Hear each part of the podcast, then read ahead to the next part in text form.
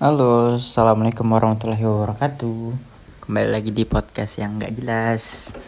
Kali ini aku bakalan ngomongin bagaimana awal kuliah ya, sesuai hmm, omongan kemarin. Jadi awalnya itu setelah lulus SMK, aku SMK ya SMK itu tahun 2015 aku itu ikut temenku ke Bandung buat oh ya sebelumnya aku udah ngisi SNM itu yang dari nilai sekolah perapat SMK gitu yaitu aku udah itu SNMPTN isi aku isi yang di Bandung juga Unpad Terus yang pilihan keduanya aku nggak isi itu buat di area Kalimantan karena aku nggak mau kuliah di Kalimantan jadi aku kosongin. Alias sombong. Dan akhirnya aku ke Bandung buat juga SBM sambil menunggu hasil dari SNMPTN. Eh pada SNM duluan ya? Pokoknya nggak tahu lah. Pokoknya SNM aku udah lolos terus SBM SBMPTN ini tanpa belajar, tanpa apa pun, cuman modal hoki kali ya. Berharap hoki. Itu pagi-pagi datang ke tempat ujian SBM. Ngelihat soalnya mau mati ya gue rasanya. Mau mati. Sumpah mau mati, nggak ngerti itu nggak pernah. Itu itu pelajaran nggak pernah aku dapatin di SMK sama sekali. Nggak pernah aku dapat.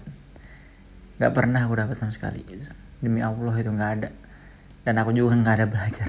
Nggak ada modal apa. Jadi ibaratnya aku tuh kayak ke perang terus tangan kosong aja. Itulah pembodohan. Jadi datang pagi-pagi ngantuk-ngantuk nggak ada belajar ya udah. Terus kan kalau kan SBM itu ada aturannya. Kalau kalau kamu salah nilaimu dikurangin. Kan ya gimana? Maksudnya ini aja kita belum tahu bener aja belum tahu gitu loh. Ini salah dikurangin lagi jadi ya udah isi aja ngasal ngasal ngasal banget. Keluar hasilnya gagal. Ya iyalah apa yang diharapin cok? Gagal. Nah di Bandung itu pembukaan universitas masih lama dia. Itu mendekati lebaran apa ya? Apa bulan puasa atau lebaran itu? Mendekati itulah pokoknya mendekati lebaran atau bulan puasa. Nah, jadi karena masih lama jadi uh, daripada bingung mau ngapain, nah aku dihubungin sama temanku juga yang orang Kalimantan juga. Dia di Jogja, dia kuliah di sana. Dia di asrama kan. Sini aja dulu coba kuliah gitu cari. Nah, jadi aku ke Jogja lah. Naik kereta itu untuk pertama kalinya juga itu aku naik kereta dalam hidupku. Jadi ke Jogja dari Bandung itu sekitar 8 jam kayaknya. Iya 8 jam. Sampai Jogja terus aku tidur di asrama itu. Nah di sini aku bingung mau kuliah di mana. Soalnya ternyata di Jogja itu pen, apa pendaftaran udah pada tutup. Ini aku jelasin aja ya. Jadi waktu aku datang di Jogja itu yang tersisa kampus kalau nggak salah saya ingatkan ya. Ini udah lama kan 2015 sisa Atma Jaya. Oh iya lupa ntar sebelum kita ke Jogja di Bandung dulu. Nah di Bandung ini aku daftar juga Telkom. Telkom aku daftar. Aku daftar pakai nilai rapot, nilai rapot, nilai rapot aku daftar. Nah ya udah sambil nunggu itu aku ke Jogja. Nah itu ke Jogja yang buka itu masih Atma Jaya, UAD Mercubuana bukan ya? Makanya Mercubuana UTY sama Amikom kalau nggak salah ya. Ya itulah yang ada informatikanya pokoknya. Jadi itu nah dari semua itu yang paling bagus akreditasinya yaitu Atma Jaya jadi aku ke situ lah nah pas aku mau ke mau daftar itu oh aku ya udah daftar nih. Aku ke aku ditemenin sama anak asrama juga. Aku ke Atma.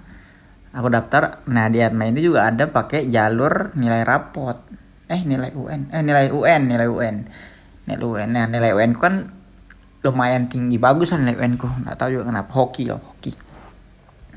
Jadi kalau nilai UN itu udah pakai ini. Kalau lolos dapat potongan. Potongan berapa juta gitu berapa juta gitu lolos. Kalau lolos dapat potongan. Daftar dah isi-isi formulir udah. Terus berapa hari? Setelah itu ada pengumuman. Nah sebelum Atma itu ternyata aku di Telkom diterima. Cuman di cuman D3 D3 di Bandung. Nah terus di Atma ini oh iya di Atma itu pertama kali aku datang aku kaget kan lihat bangunannya loh kok ini kampusnya. Ternyata Atma Jaya itu kampus non muslim atau dikelola oleh Katolik lah lembaga Katolik. Ya gitu. Kaget lah ih gini bangunannya. Kan tidak biasa aku ngeliat kayak gitu. Nah terus pulang udah selesai itu. Nah ternyata aku keterima juga di Atma Jaya. Terus aku kabarin lah orang orang rumah aku keterima di Bandung tapi D3 kalau di Jogja aku Atma Jaya tapi kampusnya non muslim aku tanya gitu sama orang rumah. Jawab terserah. Terserah aku aja mau di mana. Setelah aku pikir-pikir kalau aku D3 tanggung banget D3 ya udah jadi aku ambil S1 deh. S1 jadi jadilah aku kuliah di Atmajaya Yogyakarta kampus. Ya itu Atma yang aku akhirnya lulus juga setelah tujuh tahun. Ya begitulah ceritanya aku bisa kuliah di sana. Gitu.